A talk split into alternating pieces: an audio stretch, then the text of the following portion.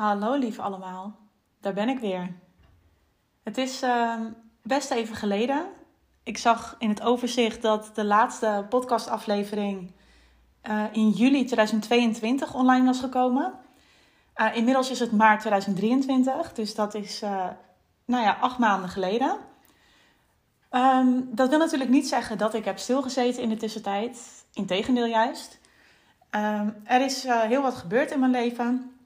En vooral op het gebied van uh, mijn eigen ontwikkeling.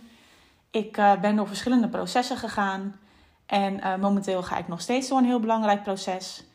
En ja, dat is ook eigenlijk waar de um, podcast van vandaag over gaat. je innerlijk kind helen. En ik zal eerst even uitleggen wat ik daar precies onder versta. Dus je innerlijk kind, dat is eigenlijk, iedereen heeft er een. Het is de versie van jezelf die je vroeger was. En um, het is zo dat naarmate je ouder wordt, uh, leer je bepaalde dingen, bepaalde lessen. Je gaat je op een bepaalde manier gedragen. En dat doe je deels omdat je dat om je heen ziet gebeuren. Maar ook omdat je uh, er vrijwel onbewust achter komt dat bepaalde gedragspatronen nodig zijn om te overleven. En dat wordt ook wel je overlevingsmechanisme genoemd. Uh, dat is een uh, ja, bepaalde manier waarop je in de wereld bent gaan, gaan staan. En uh, waar je als kind heel veel aan had. Juist omdat je zo klein en zo kwetsbaar was. En ja, je moest je beschermen tegen de soms best wel grote boze wereld. Maar op latere leeftijd kunnen die patronen je behoorlijk in de weg gaan zitten. Deze podcast ga ik best wel een stukje persoonlijk zijn. Uh, dat is wel anders dan het voorgaande seizoen, denk ik. Maar ik heb het idee dat juist waar ik nu doorheen ga, dat ja, eigenlijk uiteindelijk iedereen daar doorheen gaat. Vroeg of laat. Misschien ben je er al doorheen gegaan. En misschien herken je dit nog niet, omdat het op een later moment op je pad komt. Uh, maar voor mezelf is dit in elk geval uh, nu heel erg actueel. En ik denk dus dat uiteindelijk uh, andere mensen daar ook iets aan zullen hebben.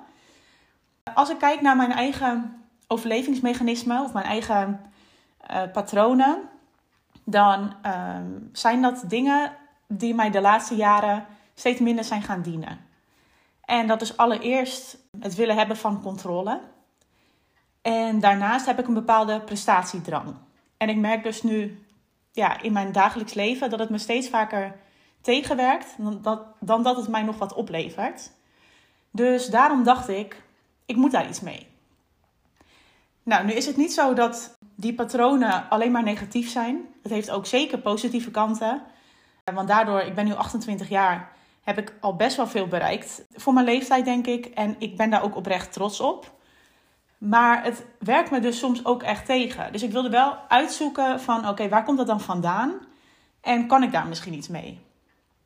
Nou heb ik een uh, tijdje geleden een mini-reading gehad van een paragnost. En uh, de bedoeling was dat je een vraag zou stellen aan haar ja, over iets waar je, waar je tegenaan loopt in je leven. En dan zou zij daar op intunen, op je energie, op ja, nou ja, hoe een paragnost te werk gaat. Daar weet ik het fijne niet van, want die gave uh, bezit ik volgens mij niet. Maar ik heb haar gevraagd: moet ik leren om de controle los te laten? Of zit mijn les in leren om liefdevol naar mezelf te zijn? Over het feit dat ik gewoon graag controle heb. Want dat was heel erg waar ik, uh, ja, waar ik mee bezig was. Omdat ik dacht, moet ik het nou echt loslaten? Want dat lukte me gewoon eigenlijk niet. Dat probeerde ik al heel lang en dat vind ik gewoon ontzettend lastig. Totdat een vriendin zei van ja, maar is het niet het feit dat jij jezelf afwijst omdat je graag controle wilt hebben? Dus is het niet je les om juist jezelf er gewoon helemaal te laten zijn, inclusief die behoefte naar controle? Nou, toen heb ik uiteindelijk, ik zal het even, zal er een stukje uit voorlezen. Heb ik een eh, uitgebreid uh, verslag van uh, deze paragnost gekregen. En bepaalde dingen die zij noemde. Nou, ik, ik ga gewoon even wat voorlezen en dan, dan begrijp je het vanzelf. Als ik ga kijken in jouw kern, ligt er nog een relatief zwaar kindstuk wat naar boven komt. Een klein meisje dat aan het vechten is tegen haar omgeving. Gehoord of gezien wil worden ergens in. En ik word er op een bepaalde hoogte ook wel een beetje misselijk van. En mijn ogen willen dichtvallen. Dus het lijkt alsof er een stuk is wat je niet wilt aankijken. Kruip je soms nog liever in je schulp dan dat je met jouw ware ik naar buiten komt? Wat nodig is, is dat dit stuk geheeld wordt, zodat beide lessen geleerd kunnen worden. Het is dus heel belangrijk om contact te maken met jouw innerlijk kind. En vanuit de kosmos proberen ze je ook aan te sturen om dit te doen. Bij het invoelen op jouw energie krijg ik ook een blokkade op mijn keel. In wat vind jij het nog moeilijk om te communiceren? Of waar spreek je je niet graag over uit? Want het is een angst die nu speelt, maar die gegrond ligt in een stukje innerlijk kind, dus in het verleden. Hierdoor kun je je misschien soms achter een muurtje plaatsen, terwijl er juist van je gevraagd wordt om naar buiten te treden. Vandaar ook dat ik dus deze podcast besloot op te nemen. Want ik denk dat het juist heel goed is inderdaad om hiermee naar buiten te treden, omdat het juist zo herkenbaar is. Toen heeft ze nog enkele tips gegeven waar ik dan mee aan de slag kon gaan. Maar eigenlijk is dat één hele grote duidelijke tip. Hele, hele en nog eens hele. Dat is letterlijk wat zij opschreef. Uh, ze zegt, ik voel een, een soort interne wrijving. En dat kan heel vervelend zijn. Maar je mag echt leren om naar dat gevoel en naar die pijn toe te gaan. Zonder dat je de verleiding krijgt om ervan weg te gaan of ervan weg te kijken. En dat kun je vooral doen door lekker te gaan schrijven, je gevoel op te gaan schrijven en het zo te verwerken. Want de pijn die verstopt zit, wil graag naar buiten komen. Dus mijn advies aan jou: ga hier alsjeblieft mee aan de slag. Gun jezelf deze verlichting en verlossing, want dan zul je stralen als nooit tevoren. De innerlijke kracht bezit je al, dus je mag leren hoe je die naar buiten kan brengen. Nou, dit voelde ik echt enorm. Het was, het was gewoon echt heel erg raak. En daarom ben ik dus nog meer, ik was er al mee bezig, maar nog meer ja, naar dat innerlijk kind teruggegaan. Dus echt gaan nadenken over hoe was het precies vroeger? Hoe voelde ik me toen? Uh, kan ik nu begrijpen waarom ik me zo voelde? En toen kwam ik dus eigenlijk vooral uit bij een stukje in mijn verleden. Ja, waar dus die controle en die prestatiedrang uh, ja, van af te leiden zijn eigenlijk. En ik zal niet te veel in detail treden, dat is ook niet nodig. Maar er zijn bepaalde dingen gebeurd. Waaronder uh, dat mijn ouders gingen scheiden toen ik acht jaar was. En vlak daarna heeft mijn vader een, een ongeluk gehad, waardoor hij invalide werd. En dat zorgde ervoor dat ik heel veel verantwoordelijkheidsgevoel kreeg. Want ik zag gewoon dat mijn vader bepaalde dingen niet meer zelfstandig kon. En ja, als kind ben je geneigd om dat soort dingen voor je ouders te willen oplossen. Wat natuurlijk heel logisch is en ook alleen maar goed is geweest. Want daardoor had hij heel veel steun aan mij en aan mijn zusje. Maar ja, het heeft dus ook um, ja, een dubbel effect gehad. Want um, dan moet ik ook even erbij vertellen. Uh, mijn vader is altijd mijn grootste cheerleader geweest als ik ergens aan wilde beginnen. Dus als ik een nieuwe sport wilde proberen of uh, ik wilde heel graag gaan zingen vroeger. Ik zag mezelf helemaal als zangeres worden. Dan was hij degene die er altijd uh, ja, die me aanmoedigde en met me mee probeerde te denken om die dingen ook uh, ja, werkelijkheid te laten worden. En daardoor heb ik bijvoorbeeld uh, ik heb aan karate gedaan. Uh, niet veel mensen weten dit. Maar aangezien we toch met de billen bloot gaan. Ik ben uh, wereldkampioen geweest in mijn leeftijdscategorie. En dat vond mijn vader geweldig. En ik vond het dan weer geweldig hoe mijn vader mij stond aan te moedigen. Dus dat ik, ja, ik voelde me echt heel erg gezien op dat moment. Maar ik ging ook beseffen dat ik vooral de wedstrijden heel erg leuk vond. Maar het trainen zelf, ja, nou ja, daar kreeg ik dan weer minder voldoening van. En dat is ook logisch, want uh, je ouders staan niet elke training langs de zijkant je aan te moedigen. Want dat is ook niet ja, hoe het in, de, in karate of in de vechtsport uh, eraan toe gaat over het algemeen. Maar het is ook gewoon, ja, je moet trainen voor de wedstrijden. Dus ja, zo bijzonder waren die trainingen niet natuurlijk. En dat voelde ik in mezelf ook heel erg. Dus uiteindelijk, ondanks dat ik dus heel goed was voor mijn uh, leeftijd, ben ik daarmee gestopt. Ik heb het karate uh, heb ik opgegeven en daar begreep helemaal niemand wat van. Maar ik dacht alleen maar, ja, ik vind alleen de wedstrijden nog leuk. Dus dan, dan stop ik ermee. Uh, ja, en dat is dus een stukje waarin ik die prestatiedrang heel erg gevoeld heb. Maar ook uh, toen ik wilde gaan zingen. Mijn vader die had de connecties. Hij heeft vroeger in een band gespeeld. Dus hij wist precies wie we daarvoor konden benaderen. Maar door bepaalde onbewuste uitspraken, en ik zeg het met nadruk onbewust, heeft hij er toch voor gezorgd dat ik het niet aandurfde. Dat ik me misschien niet goed genoeg voelde en dat ik het dus niet deed. Hij zei bijvoorbeeld: uh, nou ja, als je dit doet, dan moet je er wel echt voor gaan. En ook zeker weten dat je dit wil. Want anders sta ik wel een beetje voor gek bij de mensen die dit voor jou gaan regelen.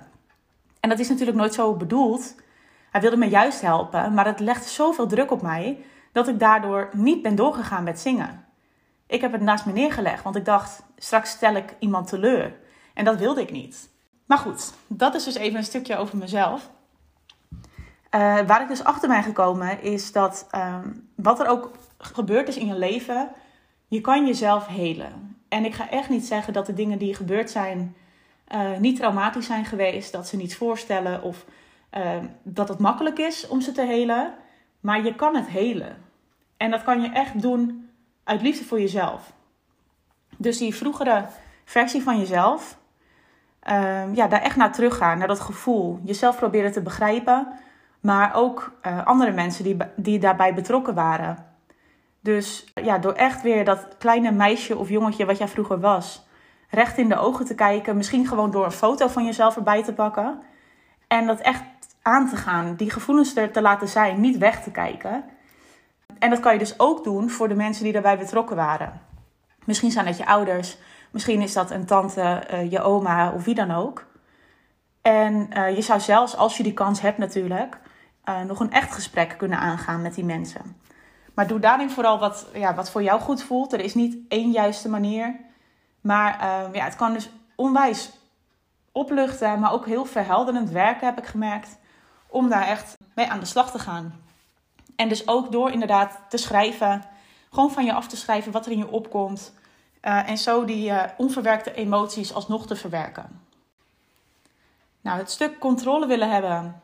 Uh, ik zeg altijd, dat is mijn levensles, controle loslaten. Want ik, ja, ik vind dat gewoon super ingewikkeld. En tot voorheen dacht ik ook altijd van, ja, ik weet wel dat ik dat doe. Ik weet wel dat ik graag de controle wil houden. Maar hoe laat ik dat dan los? Dus ik zocht naar een oplossing om de controle los te laten. Wat ik daarmee in feite deed, en dat is natuurlijk een soort van uh, het ironische van dit verhaal, is dat ik probeerde om controle te hebben over de controle. Als je snapt wat ik bedoel. Nou, en dat werkte natuurlijk niet. Toen uh, kreeg ik het besef uh, door een nieuwsbrief die ik van iemand ontving. En daar stond in: toelaten is loslaten. Of loslaten is toelaten, sorry.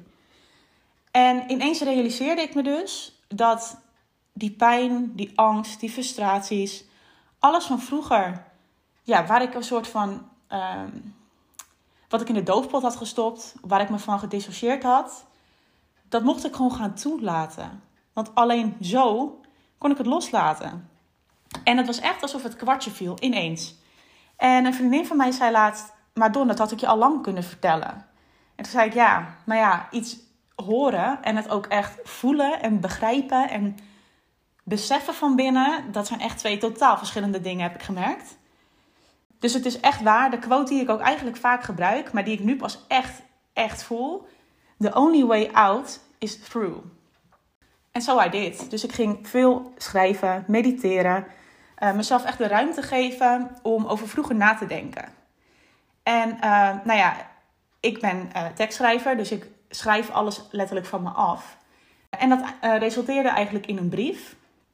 En in eerste instantie, dat was een brief aan mijn vader. En het was eigenlijk helemaal niet mijn bedoeling om die ook te geven aan hem.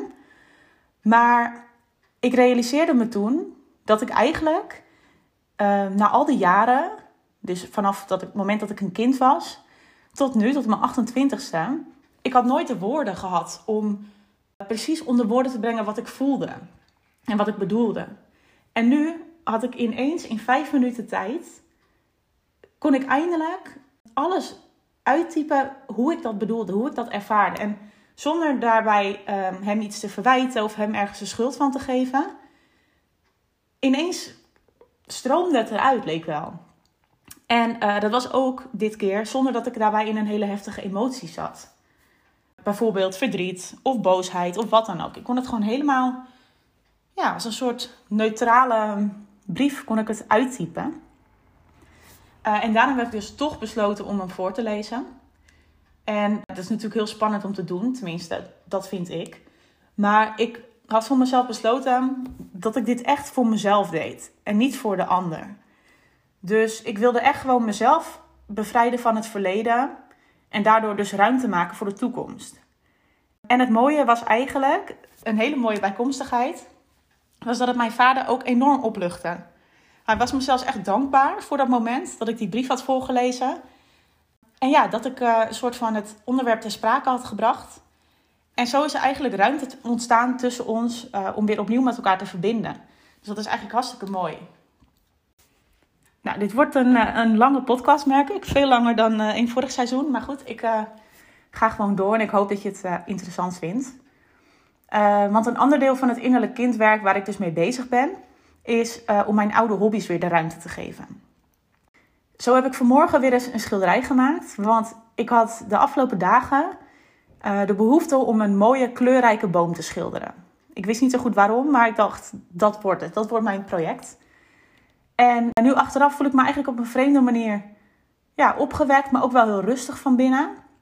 En ik zal je heel eerlijk vertellen, toen ik klaar was met dat schilderij en ik zag die boom staan met alle kleuren en bladeren en uh, in zijn uh, volle glorie, heb ik zelfs een traantje gelaten. Uh, niet omdat ik nu zo ondersteboven ben van mijn eigen schilderkunsten, maar wel om waar het symbool voor staat. Ik bracht met dit schilderij namelijk echt mijn roots weer in beeld. Ik maak ze zichtbaar en ik laat ze er zijn. Net zoals ik dus dat kleine meisje in mezelf er weer laat zijn. Of eigenlijk er pas laat zijn. Eindelijk. En uh, toen heeft dat mij aan het denken gezet. Want als kind heb je vaak creatieve hobby's. Uh, waar je ontzettend veel plezier aan beleeft. En dat kan van alles zijn. En ik had het zelf ook. Van tekenen, schilderen tot aan gipsen beeldjes maken. Uh, ik heb nog van die kralen, dat moest je dan ergens opleggen in een vormpje en dan met een strijkijzer eroverheen. Nou, misschien herken je het wel. Maar ik heb dus eigenlijk die dingen van vroeger, behalve het schrijven, want het schrijven doe ik nog steeds, aangezien ik van mijn hobby mijn beroep heb gemaakt, kan ik overigens iedereen aanraden. Maar die andere hobby's heb ik eigenlijk nooit meer iets mee gedaan. En ja, ik, ik schrijf omdat ik dat eigenlijk nu dagelijks voor klanten doe, omdat we dat zo afspreken, omdat ze mij daarvoor betalen. Maar nou ja, en verder schrijf ik om dingen van me af te schrijven, dus echt om dat innerlijk werk te doen en emoties een plekje te geven. Maar ik dacht, schrijf ik eigenlijk nog wel eens gewoon om het schrijven? Gewoon uit plezier. En ik moet dus toegeven dat ik dat echt niet vaak meer doe. Heel af en toe dan, ja, dan komt de inspiratie in me op voor een gedichtje. Of dan met, met Sinterklaas gedichten bijvoorbeeld. Of gewoon voor een verjaardag of iets. Dan voel ik dat helemaal opborrelen. Maar het is veel minder dan voorheen. En dus dacht ik, misschien is het wel heel goed om mezelf weer die ruimte daarin te geven. En om bijvoorbeeld mijn weekenden weer in te delen zoals ik dat graag wil. En dan niet omdat mijn hoofd mij vertelt dat ik iets wil, zoals een schoon huis. Of alvast de boodschappen binnen hebben en dat soort praktische dingen. Uh, maar echt de dingen die ik vanuit mijn hart wil. Dus creatief zijn, rust nemen, een gezonde maaltijd koken. Um, lekker naar buiten gaan, door het bos wandelen. Gewoon die eenvoudige, maar zo waardevolle dingen. En dat is eigenlijk ook wat ik mezelf dus heb voorgenomen om te gaan doen. Want ik weet dat dit ook een manier is om dat innerlijk kind in mij te helen. En om nog een stapje verder te gaan. En nog meer ja, terug te gaan naar wie ik eigenlijk diep van binnen dus ben. En nu heb ik een aantal uh, tips voor je. Voor als je denkt, nou ik wil ook heel graag. Ik voel dat ik dit ook, dat ik hier iets mee moet. Of iets mee mag eigenlijk. Als jij dus ook aan de slag wil met uh, ja, dat stukje innerlijk kindwerk. Dan uh, zijn dit mijn tips daarvoor. Nummer 1 benader jezelf met liefde en respect. Dus doe het niet uit afwijzing. Ik, je was een kind en je zou nu tegen een kind dat je tegenkomt ook niet heel streng of gemeen doen. Dus doe dat ook niet tegen die versie die jij vroeger was. Uh, nummer twee, oordeel dus ook niet over de dingen die je toen hebt gezegd of gedaan. Want op dat moment wist je niet beter. Je, wa je was letterlijk een kind. En um, wat je toen deed of zei of of dacht, was gewoon eigenlijk het enige wat in jouw ogen goed voelde. Daarom deed je het. Nou, de volgende tip is: schrijf het van je af. Ook al is het niet eens je intentie om het aan een ander te laten lezen, doe het gewoon puur voor jezelf, zodat je je gedachten kan ordenen en uh, beter begrip kan krijgen voor toen, maar ook voor nu. Nou, doe dat dus uh, zonder oordeel tegen jezelf, maar beschuldig ook een ander niet. je kunt gewoon jouw gevoelens en gedachten benoemen. En heel erg vanuit je eigen ervaring schrijven. Maar je hoeft niet te zeggen, want jij deed dit of jij deed dat. Ehm, want daar gaat het niet om. Het gaat erom dat jij echt met jezelf ja, in het reinen kan komen, om het zo even te zeggen. Uh, en dat je daar gewoon toestemming voor geeft aan jezelf. De volgende tip is: ga in gesprek. Als dat beter voor jou voelt dan schrijven, doe dat dan. Maar uh, wees dan wel voorbereid op een eventuele uh, minder leuke tegenreactie. Uh, of reactie, moet ik gewoon zeggen.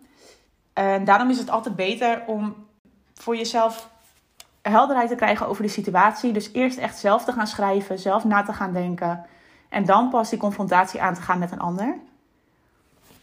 Tip 6 is maak je hoofd leeg. Uh, door echt de dingen te gaan doen die voor jou goed voelen. Dus niet wat ik net zei, dingen die je vanuit je hoofd moet doen. Zoals je huis schoonmaken. Tenzij je schoonmaken echt ontzettend leuk vindt natuurlijk. Dat vind ik dan weer niet. Vandaar dat ik weet dat dat niet uit mijn hart komt. Uh, maar ga echt dingen doen die jou echt plezier geven. Zoals sporten, uh, wandelen door de natuur, een koffietje drinken in de tuin, in het zonnetje zitten. En doe echt dus die dingen zodat je even alleen kan zijn met je gedachten. En dus niet om je hoofd leeg te maken, maar juist om die gedachten toe te laten, zodat je ze uiteindelijk kunt loslaten. Want dat was de les. Uh, verder wil ik je vooral op het hart drukken om het echt als een leerproces te zien. Ik geloof uh, dat we hier op aarde zijn zodat onze ziel dingen kan leren. Ik ben ervan overtuigd dat we uit een lichaam en een ziel bestaan. op het moment dat we overlijden, dan blijft ons lichaam achter als stoffelijk overschot. En de ziel ja, gaat waar dat dan ook mag zijn of wat dat dan ook mag zijn. Maar die gaat verder naar een andere, andere plek. En um, de reden dat je hier op aarde bent, als ik puur vanuit mijn eigen uh, ja, benadering kan vertellen, is om dingen te leren. En ja, ik geloof er gewoon niet in dat het de bedoeling is om s ochtends op te staan, naar je werk te gaan, s'avonds wat te eten, op de bank te ploffen en te gaan slapen. Dat kan gewoon niet het doel zijn van het leven. Dat geloof ik niet. Dus ga ook echt. Ga, ga ervoor openstaan om te ontdekken wat dan jouw lessen kunnen zijn. Wat zijn dingen waar je tegenaan loopt? Ja, waarin, waarin mag je liever naar jezelf toe zijn? Dus benader ook dat innerlijk kindwerk als dus een, een, ja, een leerproces, een wijze levensles eigenlijk, die je kan leren. En dat is er een die je niet direct of in één keer hoeft te voltooien. Maar je mag er dus echt de tijd voor nemen. En tot slot, de allerbelangrijkste, doe het voor jezelf. Jij hebt de verantwoordelijkheid voor je eigen leven, je eigen geluk. En ik weet zeker dat als je iets met de beste intenties voor jezelf doet, dat je daardoor zal groeien als persoon, hoe dan ook. Dus of je het nu wel of niet helemaal kan uitdokteren en kan ontdekken waar dingen vandaan komen, als je het maar met de beste intenties voor jezelf doet dan is het sowieso voor een goed doel. Nou, ik ga het hierbij laten voor vandaag. Inmiddels uh, ja, zitten we alweer bijna op een half uur. Dat is denk ik wel mijn langste podcastaflevering uh, tot nu toe. ik ben ook benieuwd wat je hiervan vond. Mocht je iets kwijt willen over jouw eigen proces, dan vind ik dat heel interessant uh, om daarover te horen. Maar ook als je een vraag of een suggestie hebt uh, voor een volgende aflevering, laat het me dan even weten. Je mag me een mailtje sturen. Uh, je mag me een berichtje op Instagram sturen. Ik zal de linkjes even in de beschrijving van deze aflevering zetten. En dan ja, is het bij deze de start van een nieuw podcastseizoen. En ik ben heel benieuwd ja, waar ik nog meer over mag delen met jullie. Ik wens je een prachtig weekend. En ik hoop dat ik je de volgende keer hier weer terug mag zien. Dankjewel.